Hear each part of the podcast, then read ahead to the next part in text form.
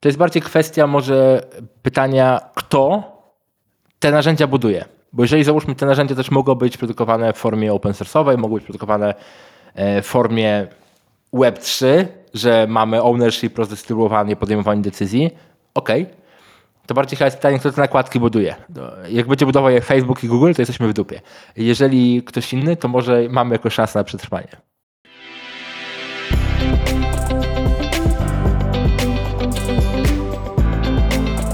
Cześć wszystkim. Witajcie w kolejnym odcinku podcastu Podróż po Web3. Naszym dzisiejszym gościem jest Mirek Burnejko, przedsiębiorca, który jest zaangażowany w wielu firmach, w którym dotyka się tematów Web3. Cześć Mirek, super, że do nas dołączyłeś. Cześć. Opowiedz nam troszeczkę w takim razie, co to znaczy, że w, twoi, w wielu Twoich firmach dotykacie tematów Web3. Mhm. Więc jestem przedsiębiorcą. Dawniej pracowałem w branży IT, w firmach Microsoft i paru innych i zacząłem budować te firmy zacząłem też z mm, branży IT. E, firmę zbudowaliśmy dość sporą, sprzedaliśmy ją. Mieliśmy firmę w długowieczności, sprzedaliśmy, a teraz e, gdzieś się pojawiło, jest ich w sumie gdzieś 10 firm i mamy odpalone przynajmniej, żeby się nie pomylić, 5 kolekcji NFT w różnych firmach, plus w jednej z nich, którą kieruję w tej chwili tak personalnie, czyli jestem prezesem zarządu, E, budujemy dużo więcej elementów e, ze świata Web3. Jest tam jakiś token, jest ownership, ale też zarabiamy w złotówkach i w innych walutach. Więc nie mamy tak, że u nas NFT albo inne rzeczy są numer jeden biznesem, ale są to dodatkowym modelem biznesowym, który ma zastosowanie w pewnym miejscu i umożliwia nam to, żeby nasi najlepsi klienci mieli pewne dodatkowe dostępy albo inne rzeczy. W dużym mhm. skrócie. Okay. Okej, okay. to y, zagłębmy się troszeczkę bardziej w te firmy, no bo y, do tej pory naszymi gośćmi były, były osoby, które w większości jednak, no nie powiem, że były crypto native, ale to były osoby, które siedziały w projektach typowo Web3, powiedzmy szeroko. Ty przychodzisz z takiego świata tradycyjnego biznesu i wykorzystujesz element tego Web3, żeby coś zrobić. I teraz, żeby nasi słuchacze mieli takie trochę lepsze pojęcie, jakbyś nam przedstawił, gdzie te firmy, które które budujesz. No 10 firm to jest sporo, nie? To, e, serial entrepreneur można, można by powiedzieć, ale to jakbyś nam trochę zarysował te firmy, które wykorzystują te elementy. Czym one się zajmują? Dobra, e, zacznijmy od takich prostych rzeczy, bo mamy dwie firmy, w których są społeczności jakieś. Czyli mamy taką firmę, się nazywa Cool Guys Capital. To jest społeczność inwestorów, którzy inwestują w różne miejsca. Nieruchomości, nieruchomości na Maderze, ale też tematy dookoła krypto. I jest tysiąc osób, tysiąc dostępów, każdy dostęp w formie NFT. Fajnie to działa, bo odpaliliśmy to na początku roku. W tej chwili i, i daliśmy naszym użytkownikom za darmo. Czyli było tysiąc osób, którzy płacili nam subskrypcję w złotówkach. Daliśmy, hej, macie NFT dostępowe. On teraz daje dostęp do tej społeczności. I one teraz chodzą na rynku po 1,3, 1,5 Ethera. E, I tak od początku roku się cały czas utrzymuje mimo tego ostatniego spadku.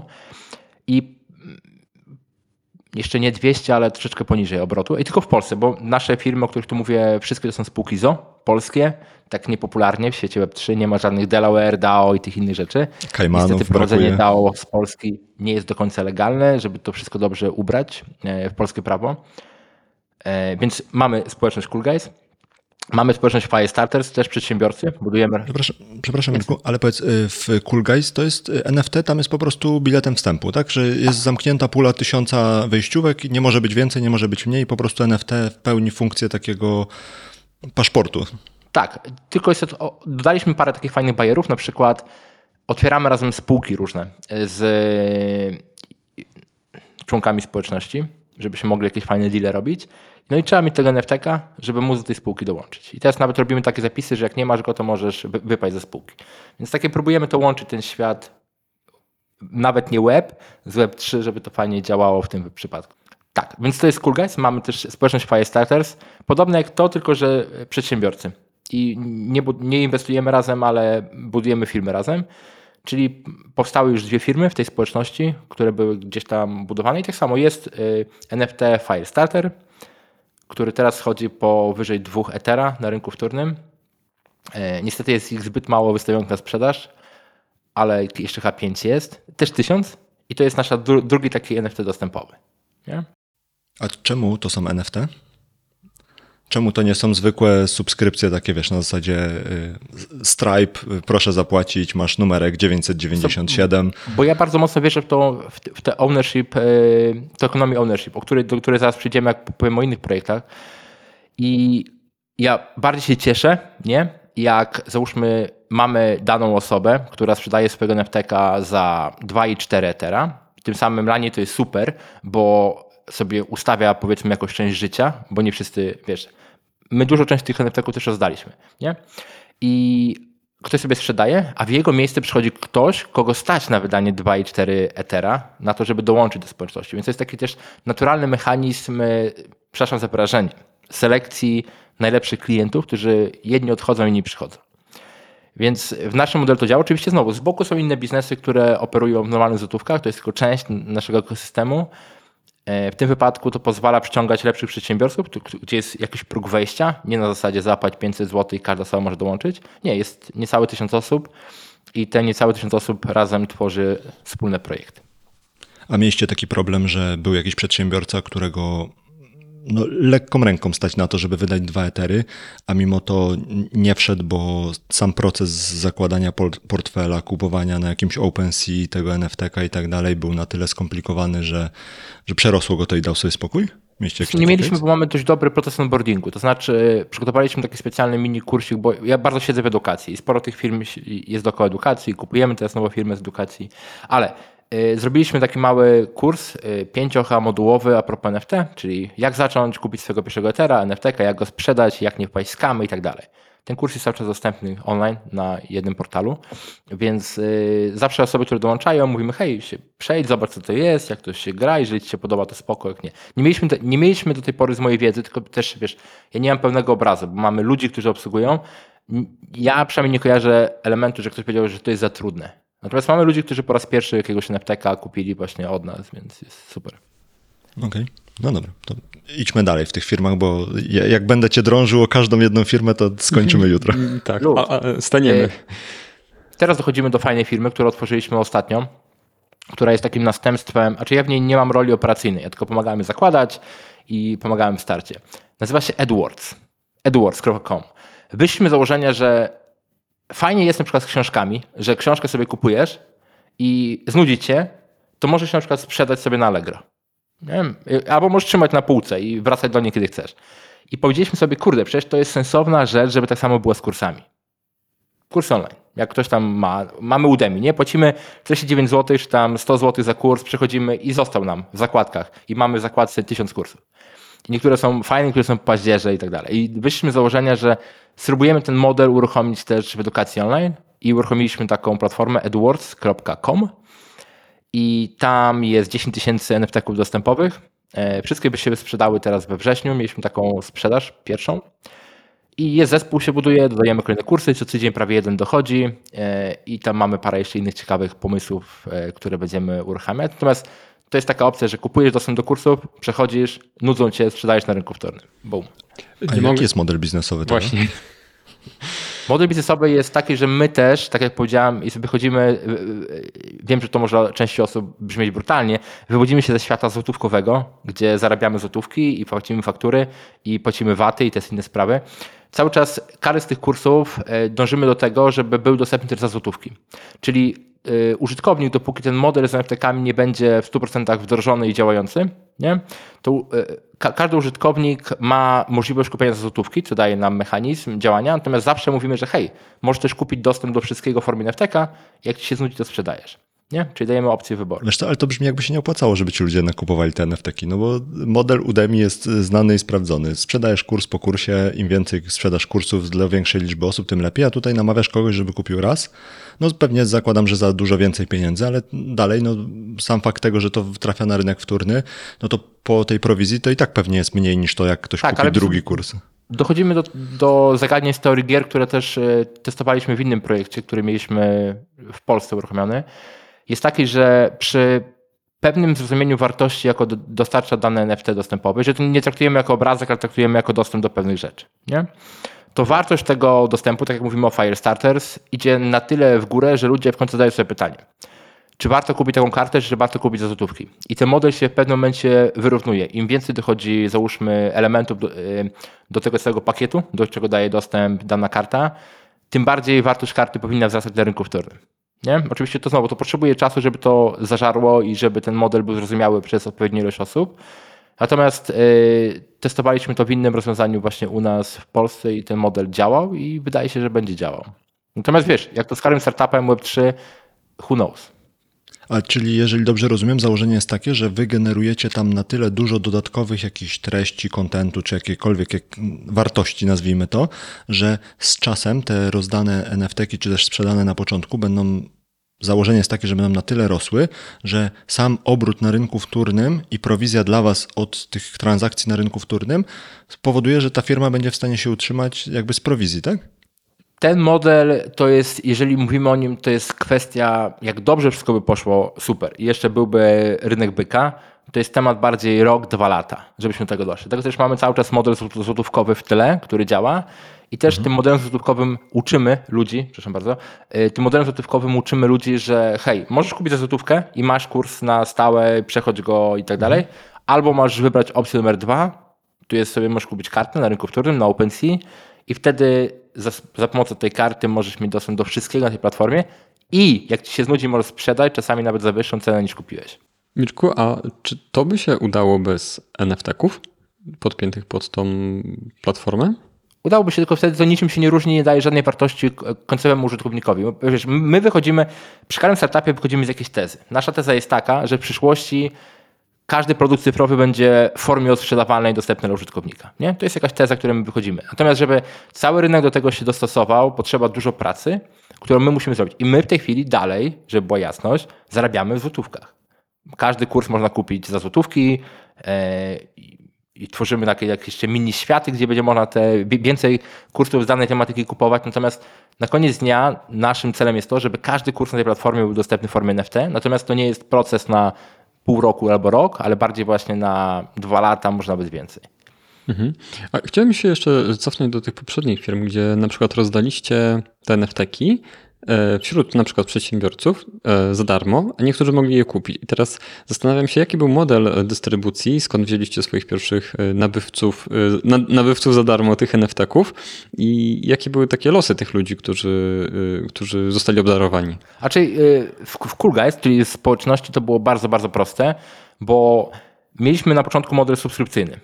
Czyli tam mieliśmy newsletter a propos jakichś tam kwestii nieruchomości, giełdy i tak dalej, plus zapnięto społeczność i była subskrypcja roczna, która się płaciło tam kilkaset złotych rocznie i tyle.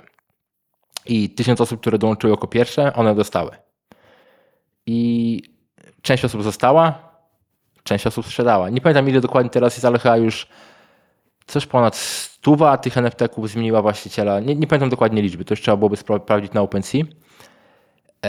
Przy Fire Starters mieliśmy tak, że część osób, bo część osób dostała, część kupiła. E, w takiej powiedzmy sprzedaży naszej pierwszej. Tam było tak, że klienci, którzy byli załóżmy z nami od początku w naszych firmach i dużo płacili, nie ukrywamy tego, i kupowali nasze produkty, po prostu otrzymali to jako bonus. Hej, dzięki za zaufanie, boom, to dla ciebie. Nie? Mhm. Okay. A jeżeli chodzi o to, jak wy teraz um, używacie tych no, tokenów, tak, NFT-ków do tego, żeby e, startować nowe biznesy, jak, jaki jest odzew społeczeństwa, czy tam, no nie społeczeństwa, tylko wa waszego community? No bo tysiąc tokenów to jest sporo, tak. Y, znaczy wiesz, to jest na standardy NFT to nie jest dużo, no bo tam są kolekcje po 10 tysięcy i są różne kolekcje.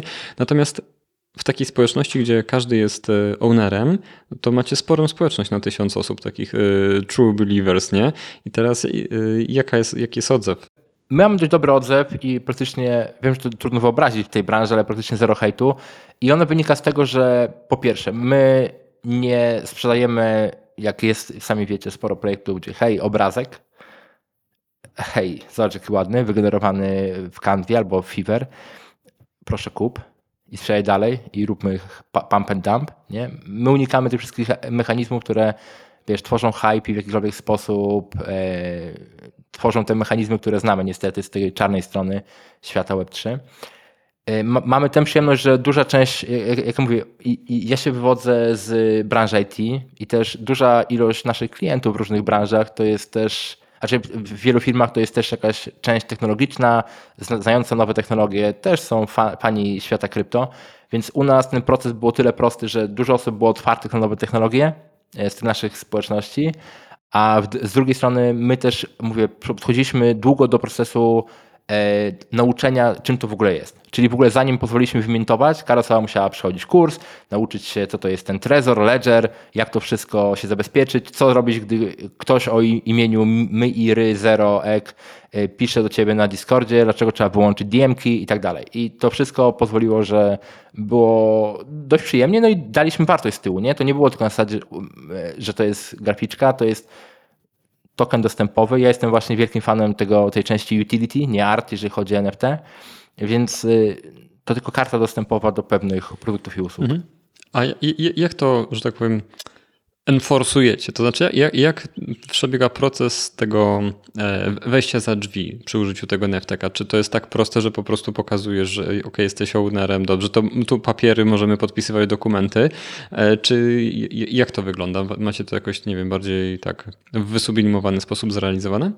Ale nie do końca rozumiem, o który mechanizm ci chodzi w tej chwili. Y, Nie, bo powiedziałeś, że jest to po prostu takie gate, gated community, tak? Że, ma, Aha, że token dostępowy. I chodzi mi o to, że na początku naszej rozmowy powiedziałeś, że na przykład robicie deale tylko z, i wyłącznie z ludźmi, którzy mają ten token. Na przykład jeżeli go, nie wiem, nie mają, to możliwe, że nawet będziecie usuwać ich ze spółek. No i teraz y, y, jak to się fizycznie odbywa?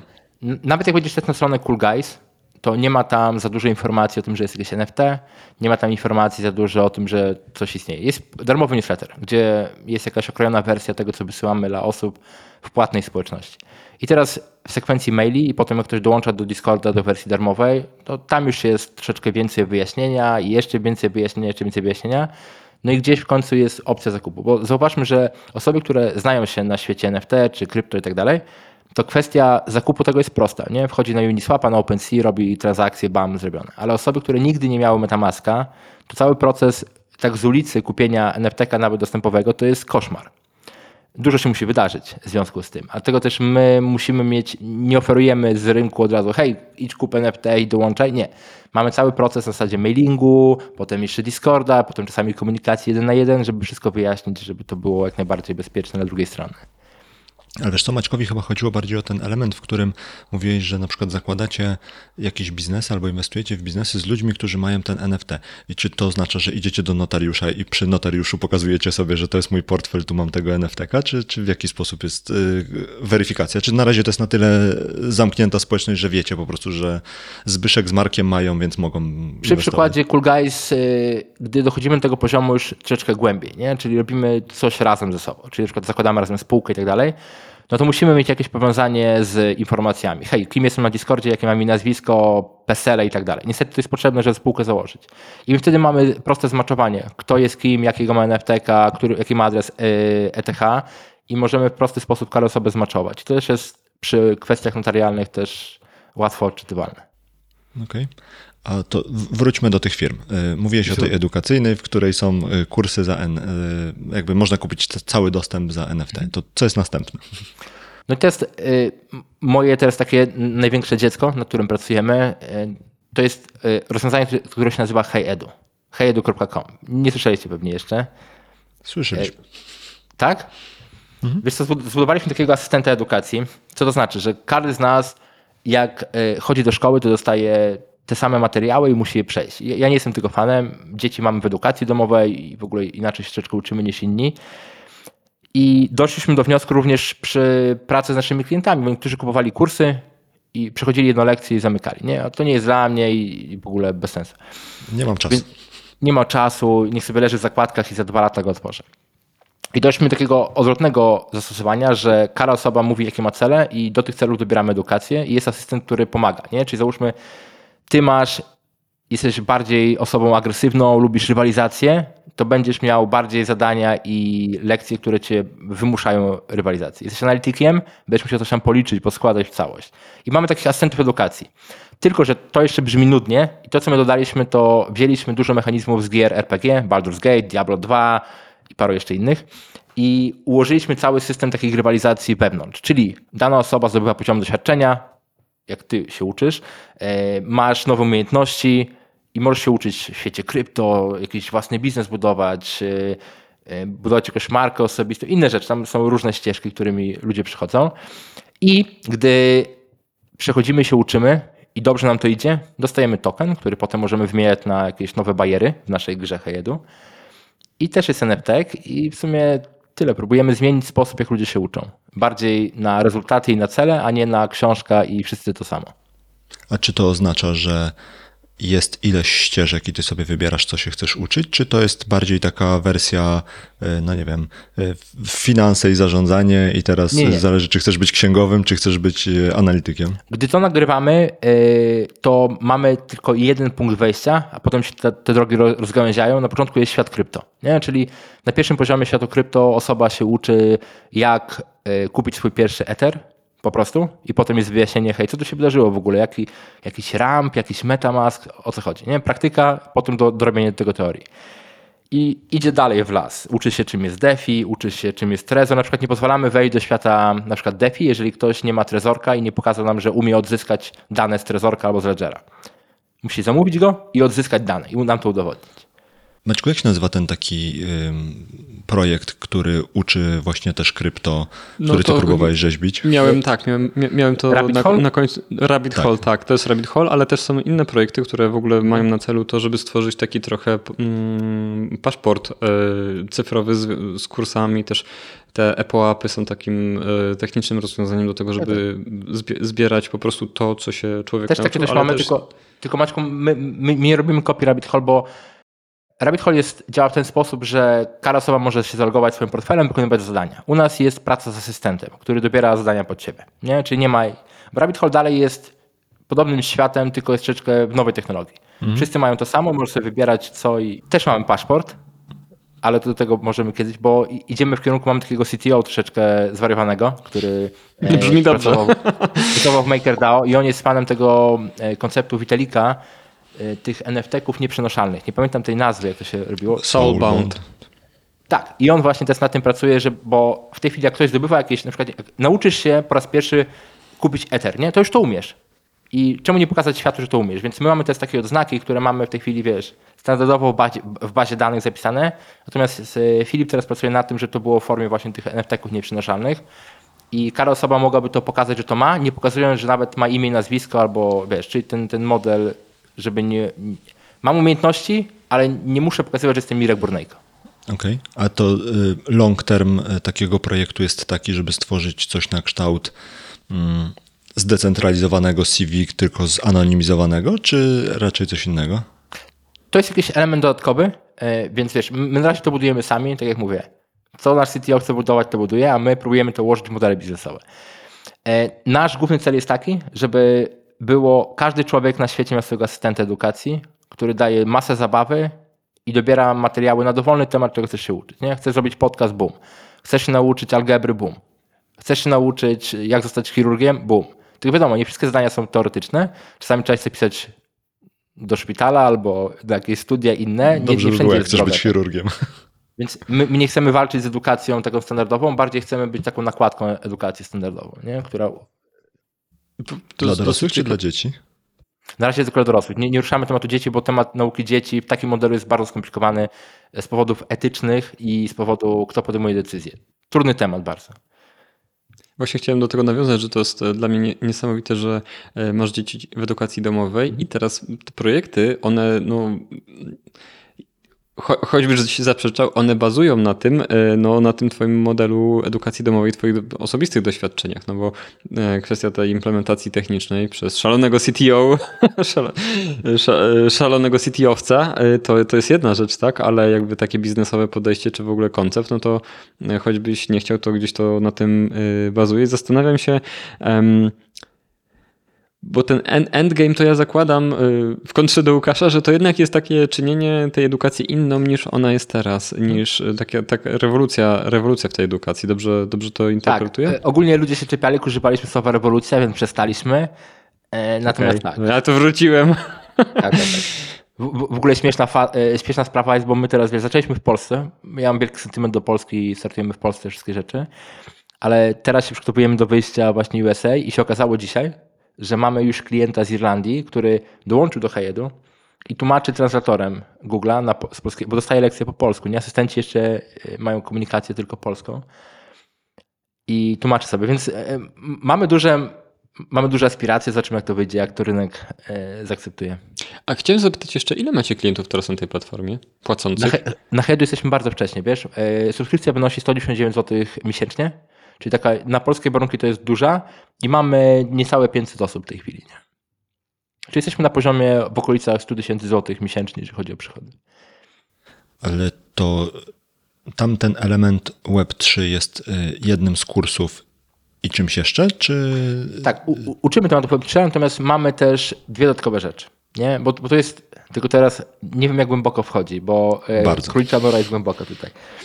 Po pierwsze, mamy ten temat tokena edu. Nie, on jest na optymizmie zrobiony. E, Znowu nasz CTO wolał, żeby były tańsze transakcje, więc mamy taki token transferowany. I teraz osoby, które e, osoby, które uczą się i szybko się uczą, dostają token. Nie? Czyli o, nowy poziom, proszę, tokenik dla ciebie. Ten tokenik będzie wymieniany już niedługo na pewne elementy dla studentów. Czyli załóżmy, chcę mieć w weekend kontakt z asystentem edukacji, no to to kosztuje. Chcę mieć darmowy miesiąc, to kosztuje. Chcę mieć lepszą edukację, to kosztuje. A, przepraszam, czy to jest taki y, substytut złota w RPG-ach, czy tam jakiegoś To jest czegoś tam... substytut y, złota w RPG-ach. y, dokładnie- Wiesz, my mamy dużo takich ściągniętych elementów. Nie? To analizowaliśmy prawie każdą grę RPG od wewnątrz.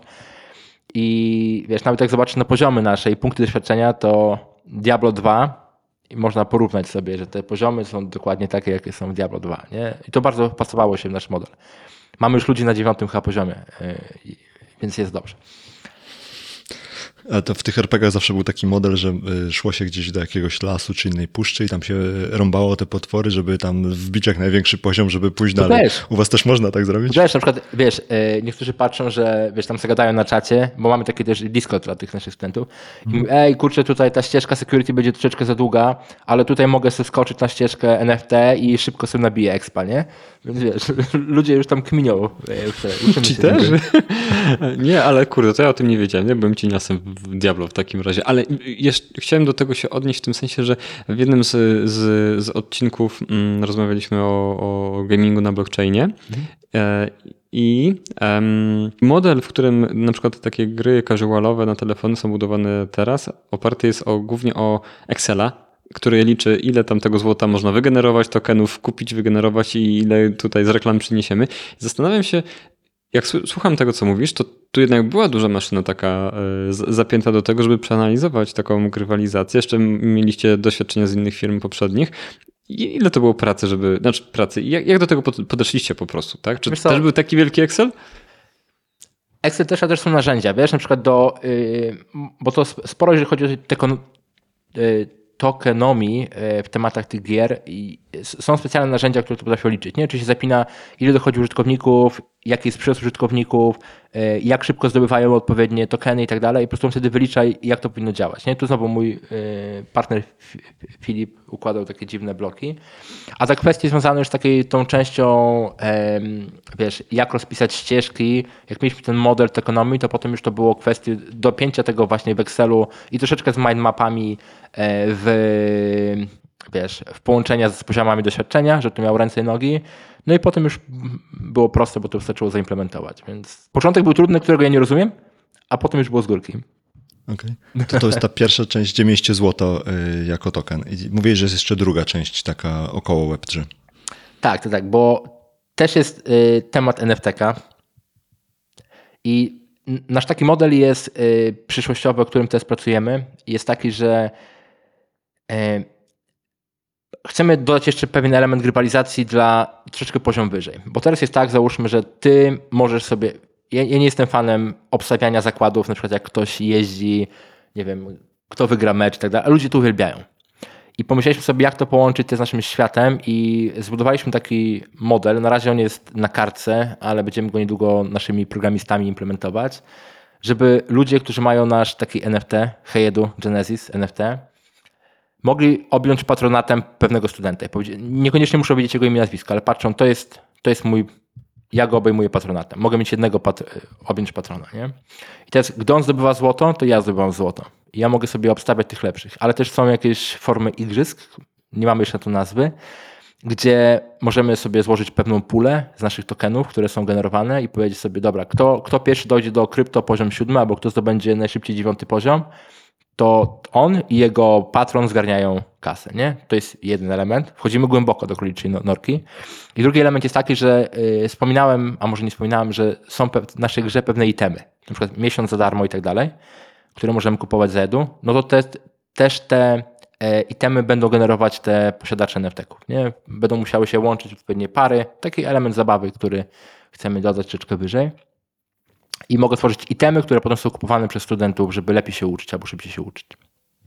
Okej, Uf. ale, okay, ale to powiedz, czemu poza jakby takim, nie wiem jak to nazwać, jakąś taką e, miętą do Web3, te wszystkie rzeczy są oparte o Web3? No bo złoto jako token na optymizmie, no to jest to jest feature, no nie? W sensie to, to mogłoby być złoto w grze po prostu, nie? I tak dalej. Czemu dokładacie sobie roboty i trudności, dodając tam tokeny, takie krypto, czy tam NFT-ki, cokolwiek? Wiesz co, po pierwsze, my cały czas bierzemy w taką rzecz jak transparencja, ponieważ znowu, nawet weźmy tą opcję edukacji, nie? Zróbmy troszkę krok wstecz. Ja pracując w tym biznesie wiele razy widziałem takie rzeczy, że ludzie po prostu piszą co chcą, nie? Sprzedali dwa kursy, piszą, że sprzedali 2000 kursów mają takich klientów satysfakcja, wszyscy narzekają, nie? Gdy opieramy to też odrobinkę na kwestie dookoła blockchaina, możemy to wszystko przeanalizować. Mamy AdWords, nie oszukamy tego. Wiemy po ile chodzi najtańszy, wiemy po ile chodzi najdroższy, kto za ile sprzedał, kiedy sprzedał. Nie?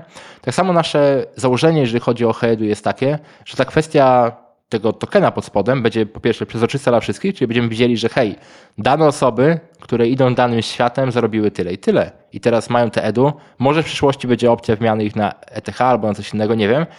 Na razie takiej opcji nie mamy, ale będzie cała transparencja, jeżeli coś się dzieje pod spodem i może, bo to jest też taki e, wielki plan, nie? żeby po prostu zbudować cały ekosystem innych firm podobnych jak Hejedu dookoła nas. Czyli będzie gdzieś jakaś forma wspólnego blockchaina, który będzie mógł być wykorzystywany przez inne firmy. Nie wiem, czy to się uda i teraz gdybyśmy mieli naszą bazę danych prywatną, normalną, byłoby to ciężkie w implementacji. Blockchain dla nas daje wiele możliwości, przede wszystkim analitycznych, ale też tego, że inne osoby mogą w sposób transparentny obserwować i korzystać z naszego ekosystemu. Czyli jeżeli dobrze rozumiem, to blockchain jest po to, żeby zminimalizować ryzyko nieuczciwych graczy w całym systemie, tak? Nie tyle nieuczciwych graczy, zminimalizować ryzyko, że my będziemy nieuczciwie grali. Bo okay, naszym zdaniem. Założyliście chodzi... sobie kalendanki. Tak, i moim zdaniem to jest potrzebne, i żeby więcej firm, więcej rzeczy tego typu miała w formie blockchainowej, moim zdaniem byłoby to lepiej i zdrowiej dla rynku. Nie? To jest takie nasze założenie. Mhm. Oczywiście, że byłoby łatwiej, prościej wszystko robić na złotówkach i ba, opłacalniej, mhm. moi drodzy. Nie ukrywajmy, nie? Natomiast wierzymy bardzo mocno, bo ten token na nas edu, którego używamy, nic nie zarobił i pewnie nic nie zarobi. Daje nam więcej pracy i więcej y, założeń, ale natomiast daje nam taką możliwość, że w przyszłości będzie to o wiele lepsze dla całego świata edukacyjnego, gdzie inni będą mogli zobaczyć, co tam pod spodem się dzieje od samego początku do chwili obecnej. Nie? A nie, nie martwisz się, Mirku, że wraz z regulacjami świata krypto jakoś niespodziewanie dostaniecie rykoszetem i to w jakiś sposób zaora część waszych pomysłów? No bo wiesz, te wszystkie regulacje tam europejskie, amerykańskie, wszystkie inne, no one, nikt nie wie, w którą stronę one pójdą ostatecznie, Jasne. no nie? Nie boicie się tego? Moja pierwsza firma to była firma Chmurowisko, nie? E, czyli e, pomagaliśmy dużym firmom jak banki, e, firmy ubezpieczeniowe, ale głównie banki, wdrażać rozwiązania typu Amazon Web Services, Google Cloud, Microsoft Azure, nie? chmura. I gdy zaczynaliśmy pierwsze tam przy, przymiarki do tego w 2014 roku, to dokładnie tak samo wszyscy mówili. Nikt nie będzie używał z banków, bo KNF, bo regulacje i tak dalej. To, na czym my pracowaliśmy, to to, żeby właśnie pracować z regulatorami, żeby ten rynek zregula, zrega, jak to dobrze powiedzieć, uregulować, żeby wszyscy mieli jasne karty w co gramy. Bo teraz jest wolna amerykanka w świecie krypto. I im bardziej my, wszyscy, którzy tworzą projekty krypto, będziemy unikać regulacji, tym bardziej będziemy gdzieś schodzić na, do czarnej strefy, niestety, i gdzieś w końcu ktoś tak przykręci ten wichajster, że już nie będzie odwrotu. Może być, ale jeżeli więcej firm, które robią nie tylko edukację, ale inne projekty Web3, będzie A, robić to etycznie i transparentnie, i B, będzie chcieć pracować z regulatorami, co jest trudne, szczególnie w Polsce, bo nasi regulatorzy niestety jeszcze są parę lat wstecz, ale to jest ciężka praca. I jeżeli pomagamy, pracujemy, podajemy się audytom, pozwalamy na audyty, pracujemy z prawnikami, którzy nam w tym pomagają, moim zdaniem to jest lepiej dla rynku długoterminowo. Żebyśmy wszyscy wiedzieli, jak to działa. Mhm, tylko wiesz co, tylko ta analogia mi się trochę nie spina, no bo wiesz, yy, chmurę czy te wszystkie rozwiązania cloudowe robią wielkie giganty amerykańskiego internetu. Microsoft, Amazon, Google czy IBM tego świata. A yy, krypto, czy w ogóle szerzej mówiąc blockchainy, no to są, wiesz, y, byty, które żyją trochę same sobie. I na Ethereum masz i gry, i y, DeFi, i jakieś tam NFT-ki, i to i tamto. Wiesz, jakby to spektrum jest dużo szersze, a z tego, co mówisz, wy chcecie iść globalnie, więc jeszcze dopada was ten cały element tego, że regulator w Polsce może wam powiedzieć spoko NFT-ki jako bilety dostępowe jest ok, regulator w UK po Brexicie powie, że jako dostępowe nie, w Stanach powiedzą, że musisz to jakoś opodatkować dodatkowo, bo to jest security, a gdzieś tam jeszcze indziej wam powiedzą ten. I wiesz, y, chodzi o to, że ten labirynt jest dużo bardziej zawiły niż w przypadku takich rozwiązań chmurowych, których, no umówmy się, no jest stosunkowo proste jak na świat, taki porównując go z krypto. Jest prosto, jak patrzysz na teraz. Natomiast yy, cofnijmy się parę lat wstecz, nie? W Polsce miałeś oddział Amazon Web Services jednej osoby, nie? Była jedna osoba w zespole i były projekty, gdzie załóżmy było przenoszenie, by, był projekt przenoszenia e, dokumentów jednorodnego pliku kontrolnego do gdzieś tam do data center, e, gdzieś tam w Holandii czy gdzieś, nie? I wszystkie firmy, które były takie stare, nie? Dell, IBM, hola, krzyczały, nie, nie zabierajcie tego, to musi być tutaj, to niebezpieczne, tam ludzie ukradną i tak dalej, nie? I, i do, do czego zmierzam? Było potrzeba lat, żeby to wszystko się ułożyło. I teraz ja wiem, że tutaj również będzie cały czas pod górkę i tak jak mówisz, KYC, inne podatkowanie w Stanach, ba, per każdy stan troszeczkę inaczej. I to jest coś, co trzeba przeżreć, żeby gdzieś tą swoją wizję, którą ma się daleko w głowie, móc zaimplementować. Nie? Bo mi osobiście obecny system edukacji się nie podoba. Natomiast nie jestem tym, który mówi, o, to jest złe i okropnie. Nie. Zrobiłem pewną tezę i próbujemy wokół tego zbudować firmę, która do tego dojdzie, biorąc pod uwagę to, że faktycznie różni regulatorzy i różne regulacje, które się wprowadzają, Unia, Stany i tak dalej, będą nam pod górkę, ale my będziemy próbowali z nimi dyskutować i iść w tym kierunku, żeby regulacje były nam na rękę, a jeżeli nie, to dostosować się na tyle, ile możemy, biorąc też pod uwagę, dlatego też ciągle używamy złotówek, że któregoś dnia to nie zadziała i wrócimy tylko do złotówek. To nie jest problem. Ale próbujemy budować to w takim modelu, żeby to było bazujące z naszą wizją, jak będzie wyglądała edukacja w przyszłości.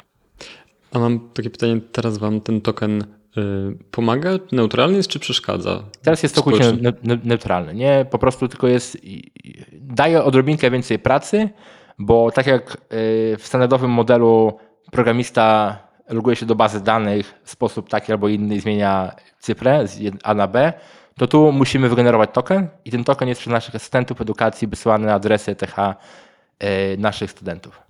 Mhm, Okej. Okay. Byłem ciekawy pod kątem tego, jaki jest odzew od e, klientów, którzy chcą płacić. E, czy to na Waszą korzyść działa, czy po prostu jest dla nich no, element e, taki, którzy mają zaplecze, żeby to zrobić łatwo i szybko, to jest to dla nich po prostu ok, tędy pójdę. A... I, i, idąc nazwami gry na przykład Baldur's Gate, praworządny, neutralny. Czyli neutralny, ale z lekkim plusem. Muszę zacząć grać. A jak gadaliśmy o Diablo, Marcin, to mi się zachciało nie grasz grać. Baldur's Gate 2? Proszę ciebie. Nigdy nie, mia nigdy nie miałem. Jedyne co to w Diablo grałem, Kantera, no i Tony Hawk'a. O, to i... Dużo spędziłem w Tony Hawk'a. Heroes of Might and Magic 3. Nic? A, trochę grałem. Troszkę. Jak to troszkę? Parę razy. ja, ja na desce śmigałem całe popołudnia, to wiesz. Nie spędzałem tyle czasu przed kąpem, ale chciałem nawiązać do tego, co powiedziałeś, że będziemy dyskutować z regulatorami. Czy to oznacza, że wy jako firma, czy też zbiór firm, no bo to nie jedna, tak? E, czy, czy, czy Miro Burnejko będzie dyskutował z, regulator z regulatorami? W tej chwili nie było takiej potrzeby, bo e, w tej chwili mamy dość dobrych prawników, którzy nam pomagają w różnych kwestiach dookoła tego związanych, że wszystko było dopasowane do odpowiednich regulacji prawa w Polsce.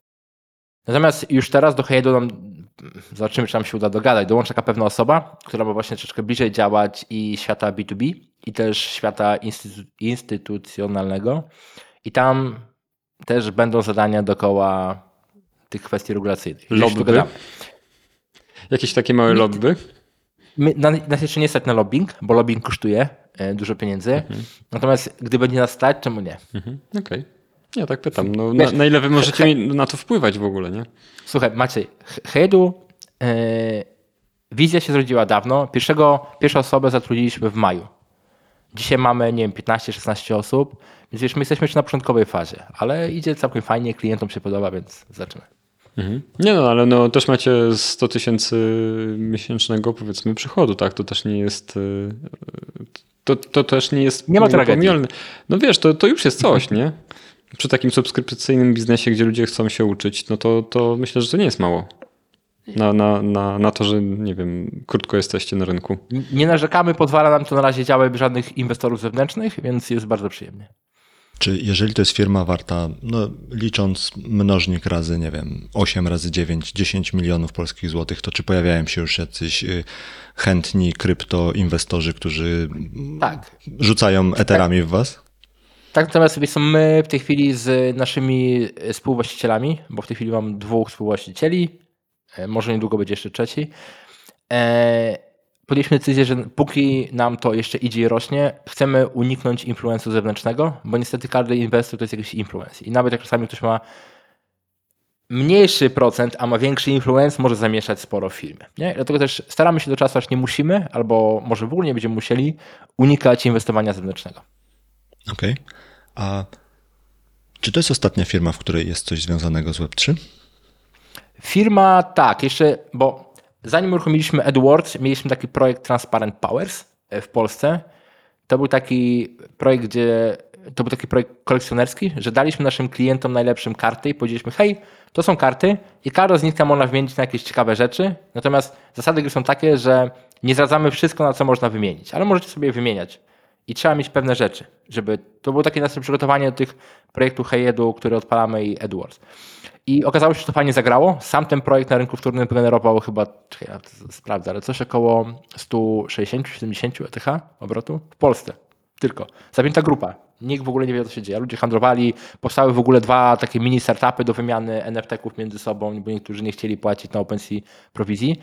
Więc to było to. I to już koniec. Pięć Heyedu, AdWords, Transparent Powers, Cool Guys, Firestarters. Tylko pięć. Tylko pięć albo aż pięć, nie? Tylko.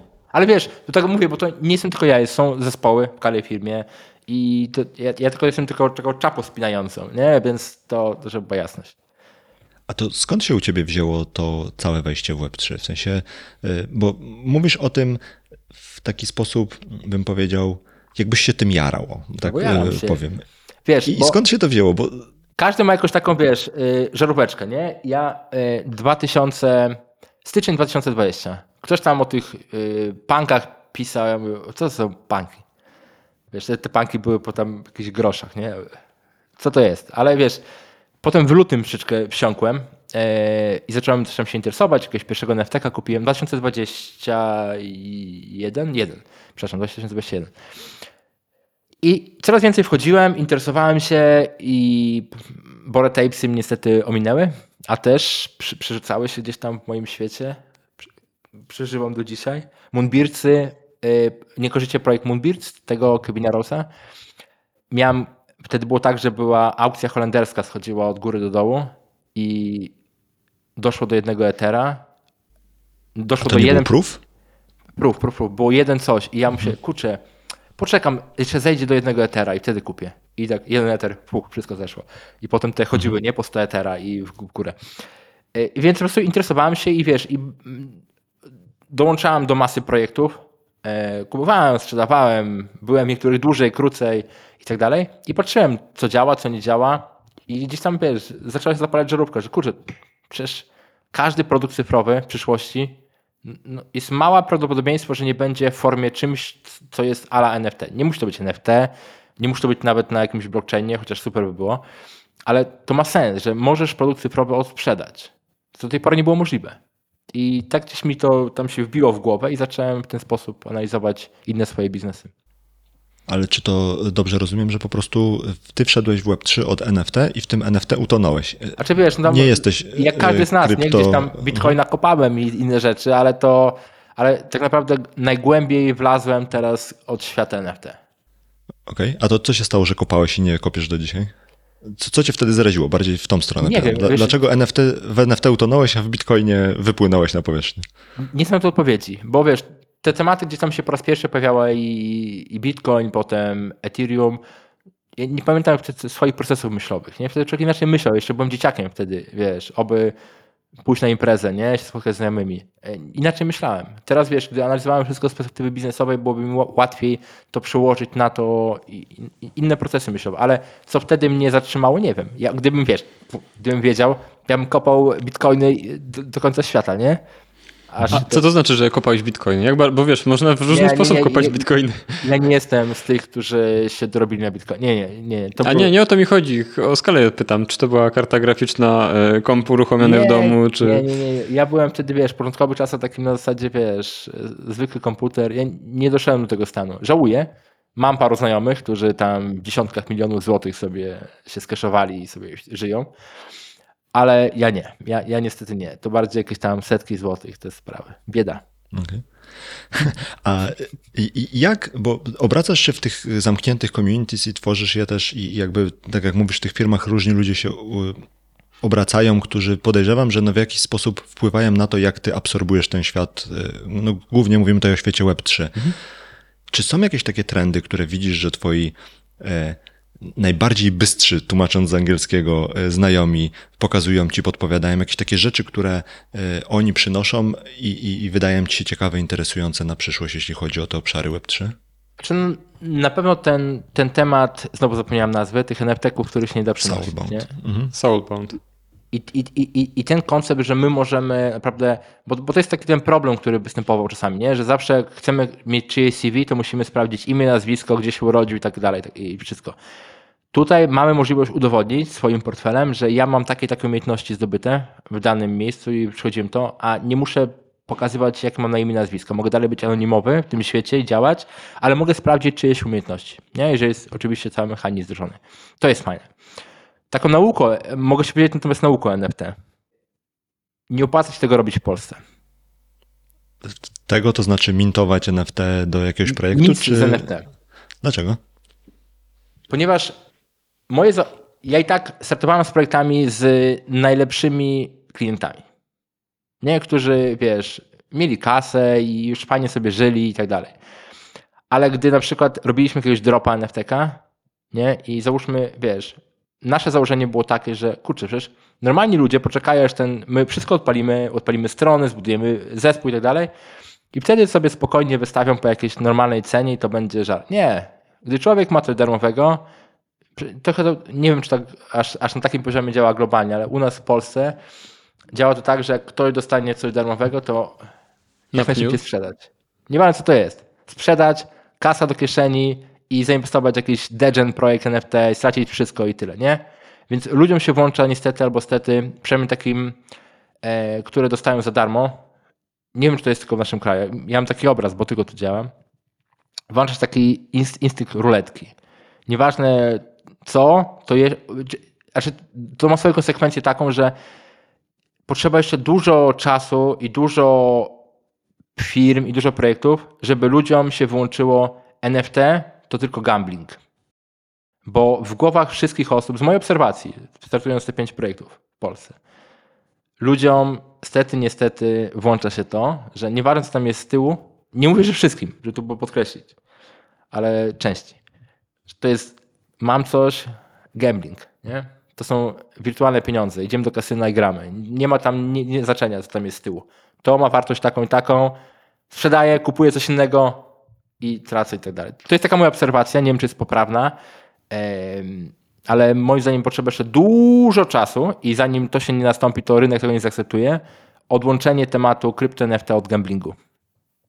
Mhm. Ale to, to, co ty powiedziałeś, to jest trochę tak, że nie opłaca się tego sprze- produkować na Polskę. Może nie to, że Tak. robić w Polsce. O, super, ja, ja, tak. ja, Bo ja to zinterpretowałem tak, że z jakichś powodów budowanie technologii w Polsce związanej z NFT jest straszne, bo podatki, whatever, nie? Nie, podatki Ale to... są, nie są tragiczne. Nie, nie, nie, nie, właśnie o to mi chodzi, że ja to zrozumiałem tak, że budowanie jest złe, natomiast ty masz na myśli to, że ten y, mindset taki jest, y, że wiesz, że na pniu idzie to wszystko bez, bez, bez czekania, nie?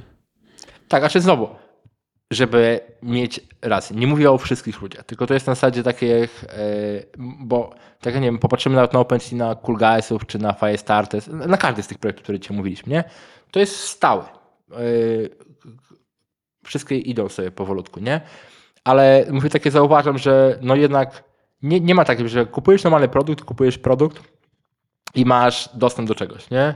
A tu się włącza gambling. No i wiadomo, nawet najczęściej aktualne rozmowy na Discorda to nie są to na zasadzie hej, co będzie w nowym produkcie, hej, co będzie w usłudze. Nie. Cena, podłoga, kiedy, let's go i tak dalej. Nie? Niestety, tak, tak działa ten świat i moim zdaniem technologia albo się zmieni troszeczkę e, pod tym względem, albo nie przejdzie nigdy do mainstreamu, e, poza tą częścią, wiesz, spekulacji, nie? A to budując na tym pytaniu, jak siedzisz w NFT-kach e, od strony producenta również, nie tylko wiesz, e, entuzjasty, jak się zapatrujesz na tą płaszczyznę, e, która teraz jest na, na OpenSea, wiesz, nie, minimalny ruch w stosunku do tego wielkiego hypu, wielkiego boomu w, w tradingu? A czy wiesz, no, w naszych projektach nic to nie zmieniło, nie? Mhm. I to nie muszę tego mówić, można wejść na OpenSea, tylko znaleźć dobry projekt, najlepiej na naszym Twitterze albo na stronie i wtedy kliknąć i zobaczyć, jak to wygląda. Nie? U, u nas nie Do, było. Dobry, czyli poprawny, żeby to było jasne, nie? Tak, dobry, bo jest- poprawny. Bo każdy projekt ma u nas swoje skamy, nie? Standardowe w świecie NFT. Natomiast my tego nie odczuliśmy. No, na rynku widać, że jest yy, lekka zmiana, natomiast moim zdaniem ta zmiana nie wynika tylko z tego, że się skończyła NFT, tylko wynika z tego, co jest w ogóle na rynku. Nie? E, Cena pieniądza poszła w górę, wielkie załamanie, strach, niepewność i jest mniejsza chęć wszystkich w ogóle do ryzykownych asetów. Nie? Tak samo mówimy o krypto, tym bardziej NFT. E, Wszystko przeszło bliżej tego standardowego świata, czyli chcemy obligacje, cash i tak dalej. E, Gdy tylko rynek troszeczkę znowu oddechnie i te Fedy obniżą swoje stopy procentowe i tak dalej, no to znowu się zacznie let's go. To- To jest to moje założenie. Nie wiem, czy tak będzie. To the moon. Mam, mam zero pojęcia, że tak będzie, ale e, tak obserwując te cykle rynkowe już od x lat, bo też 2018 pamiętam i inne rzeczy, to tak to wygląda, że to gdzieś z czasem znowu Fed troszeczkę poluzuje rynek, napłynie darmowy pieniądz i będzie. Chyba, że, bo tego nikt nas nie wie i nikt nie wie, co będzie jutro i za tydzień, będzie maksymalny krach, który potrwa 40 lat i wtedy pewnie NFT nie przeżyją. A jak się buduje firmę w czasie Bessy? No bo z jednej strony mówisz o tym, że e, no jakby sam ruch i obrót jest e, trudniejszy, no ale jest taka teza, że w Bessie się lepiej buduje, bo, bo się lepiej buduje. I, i odczuwasz to jakoś, czy, Tak, czy to znaczy jest taki... jest jeden prosty powód. W czasie Bessy duże firmy zwalniają i nie rekrutują nowych osób. To znaczy, że dostęp do ludzkiego kapitału, tak to nazwijmy, jest łatwiejszy i więcej osób jest zainteresowanych pracą lepszych. E, e, Nie, nie wiem, czy to osoby oczywiście do nas przyszły, które są teraz, ale wiesz, mamy e, naszą dziewczynę operacyjną z Booksy, teraz dołączyła do nas taka świetna osoba z marketingu i mamy fajny zespół, przynajmniej tutaj w Hedu i też nowe firmy, które się budują, gdzie ten, nie mamy problemu, że nie możemy znaleźć ludzi. A gdy mamy, wiesz, hossę, no to znalezienie super ludzi jest ciężkie, bo wiesz, dwa razy tyle płaci Google, nie? I zatrudnia dowolną ilość ludzi. A teraz, gdy nie zatrudnia, ci ludzie też potrzebują pracy. I czasami nie chcą iść do korpo, wolą coś nowego, fajnego. My jeszcze mamy inne benefity, więc moim zdaniem jest o wiele łatwiej z lu- ludźmi, wiesz? Nie jest łatwiej sprzedawać, nie jest łatwiej marketingować, jest łatwiej z dobrymi ludźmi. To jest taka moja obserwacja. Okej, a to nie jest trochę w tą stronę przechyli, przechylone wahadło, że fajnie możesz na zatrudniać ludzi, tylko żeby utrzymać tych ludzi musisz sprzedawać, a jest trudniej sprzedawać, więc w sumie nie stać cię potem na tych wszystkich fajnych ludzi, których No możesz tak. zatrudnić? Dlatego ja nie jestem zdania takiego, że trzeba myśleć o biznesach jako Web2 i Web3. Nie? Jestem wielkim fanem, że biznes to biznes. I trzeba na koniec dnia, na początku szef firmy, potem szef sprzedaży musi sprzedawać. I moją drogą jest to, żeby jednak gdzieś tam na końcu na tym koncie bankowym były złotówki, żeby zespół wiedział, że mamy te złotówki i że warto pracować, jeszcze może jakieś udziały i te sprawy. Więc wiesz, yy, znowu, nie uzależnianie się tylko od modelu Web3, które moim zdaniem jest ekstremalnie ryzykowne, że budując firmę tylko w oparciu o załóżmy ETH i tak dalej, niektórzy to robią z sukcesami, ale wiadomo, przyjdzie potem trudna sytuacja i co wtedy? A jak mamy przychód nawet mniejszy w złotówkach, to mamy przychód w złotówkach. I stać nas, żeby zapłacić ludziom pensje, podatki zapłacić i tak dalej. A nie boisz się takiej sytuacji, w której przez to, że jesteście jedną nogą w nie Web3, a jednej w Web3, to trochę nie możecie czerpać dobrodziejstw któregoś z tych światów, tylko wiesz, tak po połowie łyżeczki jecie, Ale bo nie jak, możecie się mianować krypton. Nie, no wiesz co, bo tak sobie myślę, że duża część projektów Web3 jest zrobiona po to, żeby mieć etykietkę Web3, bo to pomaga y, zbierać pieniądze z rynku, no właśnie. pomaga generować hype to pomaga, i tak dalej. To pomaga w jednej rzeczy. Rozmawialiśmy o tym wczoraj ze wspólnikiem. Może powinniśmy się nazwać Metaverse dla edukacji, nie? I od razu to będzie dwa razy więcej zgłoszeń, że ej, jakieś tam pieniądze byśmy, ale my tego nie potrzebujemy, nie? Więc y, moim zdaniem poza tym, że masz łatwiejszy może dostęp do kapitału od venture czy od aniołów, to nie ma dużo więcej benefitów, wiesz? Dalej biznes to biznes, klienci to klienci. Jeśli chodzi o Web3, to tak, ale z drugiej strony, jak patrzysz na to od tej strony nie Web3, to podejrzewam, że jest jakaś część rynku, która słysząc, że wy robicie cokolwiek związanego z krypto, Web3 i tak dalej, mm, robi krok do tyłu, bo chce zobaczyć, czy na pewno to nie spowoduje, że zawitają do nich jakieś służby podatkowe albo policja, albo ktokolwiek taki, że biorą udział w jakimś wielkim przekręcie, nie? To jest na pewno jakieś ryzyko, które gdzieś tam pewnie w głowie można rozważyć. Natomiast wiesz, my nie widzimy zmian e, kasy na koncie. Ba, w tym roku mieliśmy chyba najlepszy rok prawie wszędzie, gdzie tylko się dało, co jest nie do pomyślenia, więc ja tego nie widzę, nie? Plus my też, mówię, nie manifestujemy głośno, że my jesteśmy NFT, krypto, whatever. E, wejdziesz na tę stronę Heedu, czy no na AdWords jest, można tam znaleźć słowo NFT, ale przy, przy Cool Guysach i innych miejscach dopiero gdzieś później informujemy, że jest taka opcja. Więc yy, nie widzę za bardzo wpływu. Znaczy, no wiadomo, pewnie byśmy mocniej przyciągnęli społeczność Web3, natomiast znowu, moja obserwacja jest taka, bo robiliśmy parę razy taką promocję, nie? że zrobiliśmy z jakąś społecznością dookoła Web3 w Polsce akcję, że hej, tutaj zróbmy jakąś wspólną promocję i tak dalej. Te promocje się kończyły tylko jednym. 100% osób, może nie 100, 99, które otrzymało nas, załóżmy NFTK w bonusie, od razu jak najszybciej po cenie najniższej rynkowej sprzedały to. Tyle, tyle pomocy. I wiesz, i moim zdaniem ta aktualna wartość społeczności Web3 jest tylko monetarna, nie ma za tym nic więcej. Przepraszam, że tak mówię, to jest moja obserwacja, ale mówię ogólnie. Są wyjątki, są osoby, mówię, które ja na przykład bardzo śledzę, Kevin Rose, które troszeczkę inaczej na to patrzą i myślą, i ale takich osób nie ma zbyt dużo.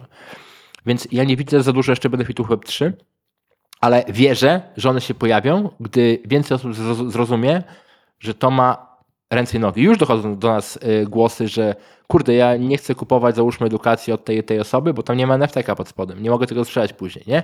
I mówię, o, ziarko do ziarka i wiesz, coś tam się dzieje w. Okej, okay. ale czy to są y, osoby, które y, realnie korzystają z tych NFT-ków, czy to są takie, wiesz, bo jest coś takiego jak takie neofickie podejście, no nie? że zobaczysz coś pierwszy raz, pierwszy raz spróbowałeś, spodobało ci się, więc teraz wszystkich namawiasz, że to zbawia cały świat. Czy to jest głos od osób, które realnie siedzą, wiesz, głęboko i wiedzą, jak to działa, że to jest po prostu ktoś, kto zobaczył, o fajnie, można odsprzedać, y, teraz wszystko chciałbym odsprzedawać. Ale wiesz, moim zdaniem my idąc ze światem Web3 chcąc wyjść z naszej bańki, nie? Bo ta, świat Web3 to jest bańka, jedna wielka. Kilka osób w niej siedzi i raz na jakiś czas jakaś nowa wejdzie do środka. Chcąc iść szerzej i żeby większość ludzi zrozumiało, musisz rozmawiać językiem dostępnym dla człowieka. W zasadzie tam nie ma blockchaina, nie ma innych rzeczy i tak dalej. I mi bardziej zależy na, osob- na głosach normalsa niż osoby z Web3, nie? Żeby osoba normals, przepraszam, tak mówię, yy, wiedziała, że hej, ja mogę yy, coś kupić i potem mogę to sprzedać. I tyle. A my, naszym zadaniem jest to, żeby to umożliwić do granic możliwości. Yy, więc ja bardziej słucham tych głosów osób, które nigdy w życiu nie miały NFTK i jest dla mnie bardziej wartościowy, bo to otwiera nam opcję na rynek, którego my wszyscy potrzebujemy w tym świecie, czyli na rynek globalny, a nie tylko tej naszej bańki. Czyli ja dobrze rozumiem, że ty traktujesz całe kwestie związane z Web3, blockchainem, krypto, jak zwał, tak zwał, tak stricte utylitarnie. To jest y, ułatwienie robienia globalnego biznesu i ułatwienie użytkownikom generowania jakichś zachowań. No w tym wypadku głównie od sprzedawania, Łukasz. pozbywania się. A, a powiedz mi, a jaki jest cel w ogóle biznesu? Zawsze jest celem ułatwianie pewnych rzeczy, nie? Bitcoin i umożliwiał przekazywanie, raczej według Michaela Saylora najłatwiejszy sposób zamiany energii i wartość monetarną, ale z punktu widzenia użytkownika pozwalał ci przesłać pieniądze z miejsca do miejsca B. Nie? Przykład Ukrainy, e, ten minister e, cyfryzacji mówił o tym, że w chwili, gdy wszystko wybuchło, złotówki, nie- te chrywne i inne nie, chodziły. Ale Bitcoin chodził, nie? I mogli pewne rzeczy, broń, znaczy broni nie mogli, ale mogli kupić jakieś tam apteczki, inne rzeczy z Bitcoinem. Bitcoin umożliwił szybkie przesyłanie wartości monetarnej, nie? Ułatwił coś.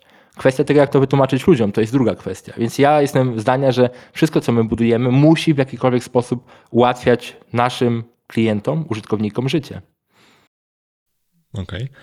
A m- my z Maćkiem często ro- rozmawiamy o tym, że cały ten ruch dookoła Web3 no to jest technologia plus finanse plus trochę filozofii. To jak patrzysz na to, na cały ten ruch i na wszystko to, co się dzieje w takim obszarze biznesowym, to jak myślisz, w którym miejscu będziemy za dwa lata? W sensie, co się zmieni, jeśli chodzi o, o taki, wiesz, poziom e, wejścia tego, tego obszaru na rynek? Wiesz, jakieś takie, spójrz w swoją szklaną kulę, którą tam na pewno masz. Moja szklana kula mówi mi, że będą dwa scenariusze. Jeden będzie bardziej prawdopodobny niż drugi. Nie wiem, który. E, Pierwsza szklana kula jest taka, że więcej firm zaadaptuje daną technologię, nie mówiąc nawet słowa NFT. I to jest moim zdaniem bardzo słuszne, bo w tej chwili mówię, jeżeli zaczniemy mówić językiem korzyści dla odbiorcy, nie? I gdzieś tą warstwę i taką, która jest, e, wiesz, sieć Ethereum, NFT nawet ukryjemy, bo coraz więcej powstaje startupów, które pozwalają ci kupić i sprzedać NFT za złotówkę, albo za euro, albo za dolara. I nie wiesz, co tam pod spodem się działo. Są te y, projekty, które są taką opcją, że za ciebie przechowują NFT-ka i dają ci jakieś tam dostępy, żebyś ty się nie przejmował tym, jakieś trezory, ledgery, metamaski, whatever, kto to ogarnie. Nie? Więc jeżeli uda nam się jeszcze bardziej ułatwić proces i z, troszeczkę usunąć z życia śmiertelnika dużo trudnych słów, to jest szansa, że to będzie miało więcej użytkowników. Jak będzie miało więcej użytkowników, wszyscy, którzy są w Web3 będą tym korzystać. Technologicznie, monetarnie i filozoficznie. Jeżeli natomiast wydarzy się druga sytuacja, że będzie jeszcze więcej chciwości gamblingu i sranie na regulatorów, że to jest złe, to y, czeka, nie, to nie pierwsza technologia, która upadała. I ja jestem większym fanem i moja szana kula mówi, że opcja pierwsza będzie, będzie, ale nie wiem, która będzie. A to jest ciekawy nurt, bo y, jest duża grupa osób, która właśnie jest pod kątem aspektu tego filozoficznego takimi właśnie libertarianami i antyregula... No wiesz, anti-regulations powiedzmy e, i jakiekolwiek KYC jest zamachem na wolność, tak? I mm, Jest, tylko wiesz mocno się ściera, nie? Macie, jest jeden problem w prawach władzy, wiesz? Ten, kto nie ma wojska, nie ma co dyskutować. I niestety Bitcoin nie ma swojego wojska, którzy mogą stanie, stanąć naprzeciwko armii, y, bomby, artylerii i tak dalej i walczyć o swoje w razie czego. Nie ma. I gdy ktoś przyjdzie do ciebie z karabinem do domu i powie ci, że musisz coś przestać robić, przestaniesz to robić. Tyle. Nie? Więc wiesz, na koniec dnia w dzisiejszym świecie jeszcze, znaczy ja, ja, ja mogę się mylić i mo, żebym się mylił, e, my jeszcze musimy się dostosowywać do świata, który według nas działa, jeżeli chcemy, bo to jest podkreślenie, jeżeli chcemy, żeby większy świat zaakceptował to, co my robimy. Bo jeżeli chcemy żyć, tak wiesz, jak tam technopunki sobie w, w tle, coś tam, jakieś przesyły bazy danych, blockchainy, róbmy to. Nikt nie będzie patrzył, jak robisz to w małej skali. Ale jak zaczynasz dochodzić, wiesz, coraz szerzej i głębiej, coraz więcej osób patrzy. Coraz kolejne instytucje, coraz kolejne rządy obserwują to, co się dzieje i podejmują decyzje, patrząc też na to, czy oni będą mieli władzę i tak dalej w tej całej układance. Nie? To jest ciężki temat, bardzo filozoficzny i polityczny i tak dalej, natomiast no, ciekawy. A to wychodząc z tej nory takiej filozoficznej, jeszcze mam jedno pytanie. Czy widzisz coś podczas y, tworzenia tych różnych projektów, jakiś taki element infrastruktury, którego brakuje w całym tym świecie Web3, żeby wiesz, łatwiej się budowało albo łatwiej się używało? Jeżeli chodzi o same wdrożenie tematów i krypto NFT są bardzo proste. Dzisiaj nie jest coraz więcej narzędzi, plus deweloperzy są super. W Polsce pracujemy z kilkoma naprawdę rewelacyjnymi, którzy dotykają projektów globalnych i mają swoje startupy. najbardziej leży ta część ym, konsumencka, nie? Zakup NFTK, zakup krypto. To dalej jest olbrzymie wyzwanie. A co to znaczy, że leży część konsumencka? W sensie brakuje UX-a, czy coś jeszcze? Tak, tak, tak. Stary. Metamask nie przyjął mi transakcji. Co mam zrobić? I teraz normalny człowiek chodzi w Etherscana i dostaje, wiesz, palpitacji serca. Patrzę na te wszystkie linie kodu, wiesz, cyfry jakieś y, 0, a 8, 6. Wiesz, popatrzmy sobie i jak będziemy bliżej okienka Facebooka albo okienka mBanku, to będziemy bliżej celu. Nie? To jest ta część, która moim zdaniem leży, żeby to ułatwić. A to, dużo osób na tym pracuje, żeby była jasność, ale to jeszcze sporo pracy, żeby to było bardzo, bardzo proste dla użytkownika. A czy to nie zaora całego tego takiego elementu związanego z tą możliwością robienia tak naprawdę wszystkiego ze swoimi rzeczami? No bo wiesz, to spowoduje jakąś nakładkę, która znowu jest y, czymś, co kieruje nas w stronę tego, że blockchain jest po prostu bazą danych, a wszystkie te tematy związane z tym, że ty możesz sam w tej bazie danych grzebać, A czym jest Metamask, powiedz mi? Bo Metamaska nie było od początku krypto.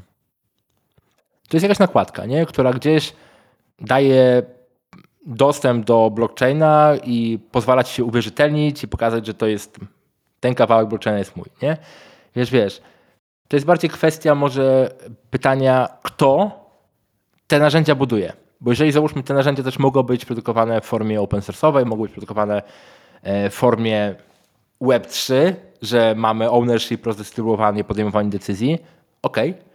To bardziej chyba jest pytanie, kto te nakładki buduje. To Jak będzie budował je Facebook i Google, to jesteśmy w dupie. Jeżeli ktoś inny, to może mamy jakąś szansę na przetrwanie.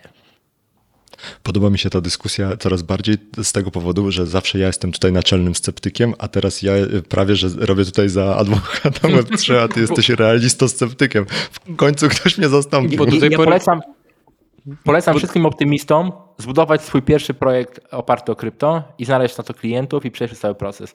Wtedy optymizm zostaje, ale znasz ten cały ból, który po drodze szedł. Łukasz stał się y, teraz tym optymistą, dlatego że do tej pory zadawał pytania, czy nie boisz się, przecinek. I teraz czego się Mi- Mirek boi? Sześć pytań z rzędu. Ale wiesz co, bo y, też to, co chciałem powiedzieć, to jest też to, że to, co mówisz, no nie, że no, spróbuj zbudować projekt oparty o to. Tylko zobacz, że większość tych projektów, które powstają na dzień dzisiejszy, to są po prostu projekty albo DeFi'owe, albo NFT-kowe, które żyją w jakiejś takiej w dużej mierze ułudzie tego, że jesteśmy anonimowi, stworzymy coś w internecie, zbierzemy grupę ludzi w internecie i oni razem zmienią świat i tak dalej. Co najczęściej kończy się tak, jak mówiłeś a propos NFT-ków, że zakładany jest Discord, y, ludzie tam po prostu koordynują pump and dump po to, żeby ci pierwsi zarobili kosztem tych drugich, ci ludzie potem znikają albo zmieniają niki, albo nikt nigdy się nie dowiaduje, kim oni są y, i wiesz, i za jakiś czas odpalają kolejny projekt, w którym znowu jest ta sama historia sprzedawana i tylko y, potrzeba im napływu nowych owiec do, do strzyżenia, no nie? I, I teraz wydaje mi się, że to, co mówisz, o tyle jest zasadne i sensowne, że trochę brakuje tego takiego zmeczowania ludzi, którzy robili projekty poza Web3 z ludźmi, którzy robili takie super offline'owe projekty, bo to, co się z Maćkiem śmiejemy czasami, że brakuje w tych projektach Web3 tak zwanego komponentu siwego włosa. To znaczy kogoś, kto widział coś więcej niż y, projekt Web3 y, i trochę więcej niż bańkę na swoich pięciu Discordach, na których jest, no nie? I też między innymi z tego powodu bardzo chcieliśmy z tobą porozmawiać, bo ty masz to doświadczenie takie y, człowieka, który budował biznes poza Web3 i wszedł w to Web3 nie tak dawno temu, no nie? I, i stąd też moje pytania o te takie rzeczy i- i fajnie, że mówisz o tym w taki dość prosty i otwarty sposób, no nie? Że no kurde, jak tam jest nic za NFT-kiem, to ten NFT jest po prostu spekulacją, no nie? I jakby można nazwać to NFT czymkolwiek, ale to dalej jest po prostu token, którym handlujesz, liczysz na to, że zbudujesz wokół tego taką historię, że ktoś kupi go od ciebie drożej, no nie? To jest kurde jak zbitym samochodem, który wyklepałeś i mówisz, że teraz jest nówka, no nie? I, A kolejna osoba, która kupiła, dalej klepie jeszcze bardziej.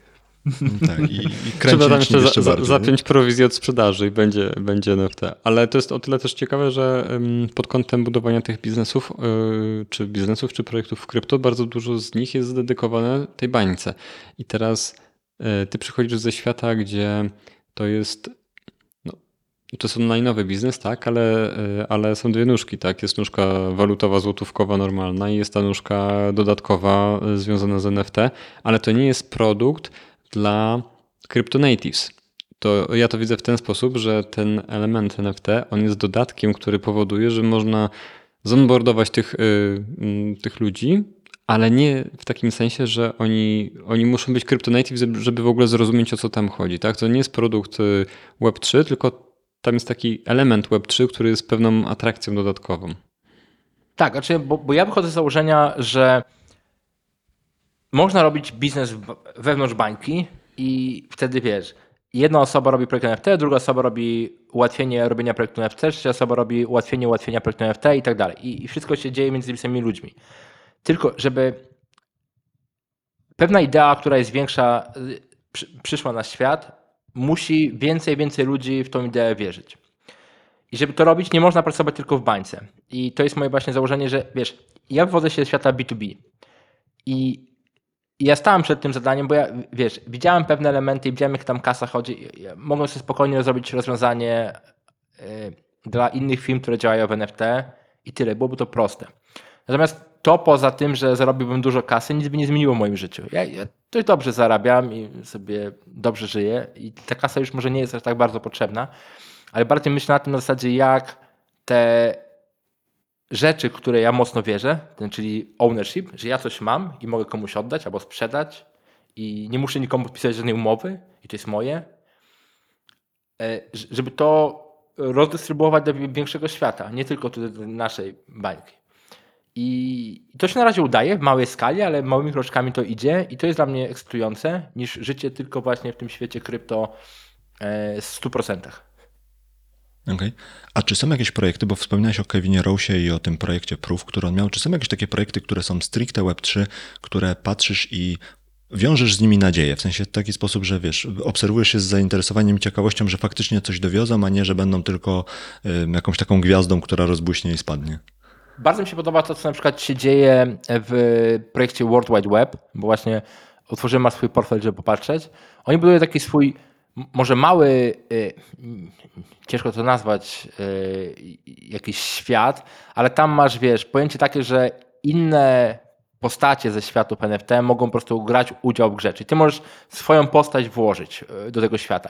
Ten projekt mi się bardzo podoba z tego powodu, że to jest takie na zasadzie pra prawdziwe pokazanie tego ownershipu, że ja biorę swój NFT z moją postacią albo z czymkolwiek innym i wkładam tego światu. No i plus zespół bardzo szybko działa i co chwilę nowe rzeczy wdarzają, więc to jest projekt, który obserwuję. Lubię projekt e, Psychedelics Anonymous, nie wiem czy kojarzycie. Tak. Nie, nie, nie, nie, nie kojarzę. Oni teraz e, tworzą coś takiego jak e, Where to Earn, co oczywiście nie jest nowym modelem, natomiast oni w dość ciekawy sposób robią, więc obserwuję.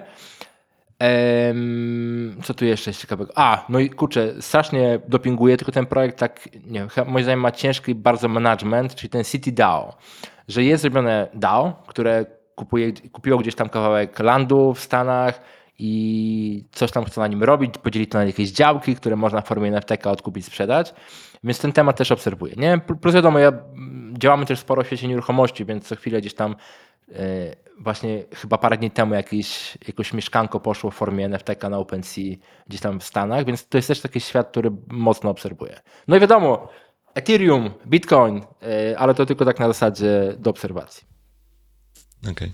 No dobra, Mirku, to tak już zmierzając do końca naszej rozmowy, powiedz proszę, jakby ktoś z słuchających chciał w jakiś sposób kontrybuować do sukcesu Twoich projektów, albo w jakiś sposób Tobie pomóc, albo któremuś z projektów pomóc, to kogo szukacie, jaka pomoc ewentualnie jest y, wymagana albo mile widziana przynajmniej?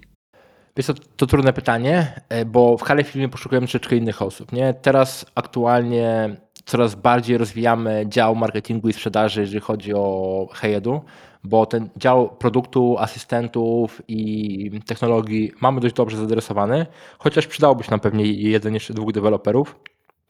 Tylko do tej części nie Web3, nie? Te nudne rzeczy, frontendy, backendy i te inne rzeczy, ale dotykające, czyli trzeba znać się na tym, co to jest Metamask, jak się tam z optymizmem czy z siecią Ethereum połączyć. Ta, no i też troszeczkę tokena, więc to jest to. E, w AdWords też szukamy praktycznie wszystkich ludzi. Warto sobie wejść na tę stronę i zobaczyć. Tylko, że zespół jest nowy, nie? bo spółka dopiero powstała w projekt odpaliliśmy wcześniej, spółkę odpaliliśmy dopiero we wrześniu 2022. Wrześniu? Tak. To miesiąc Albo temu. koniec- a- No, ale nie, nie, przepraszam bardzo, mylę się. Odpaliliśmy to na samym początku października, nie, nie, na, nie na wrześniu. Więc projekt, projekt się uruchomił wcześniej, natomiast dopiero powstała spółka i teraz, wiesz, aportem wnosimy e, rzeczy do tej spółki. I tam jest nowy zarząd, zatrudnia teraz i marketing, i programistów, i inne osoby, więc y, masło maślane powiedziałem, natomiast najlepszą opcją, żeby gdzieś w ogóle wejść, to jest miroburn.pl. Tam jest taka jedna strona, gdzie pokazuje te wszystkie firmy, w które jestem zaangażowany, plus moją historię i inne rzeczy, więc tam można sobie y, rozklikać się w inne miejsca w moim ekosystemie. Okej. No dobra, to to y, postaram się pozbierać te linki, o których powiedziałeś i umieścić w notatkach do tego odcinka. No i co? Dzięki wielkie jeszcze raz za rozmowę i do zobaczenia. Trzymaj się. Również dziękuję, pozdrawiam wszystkich serdecznie.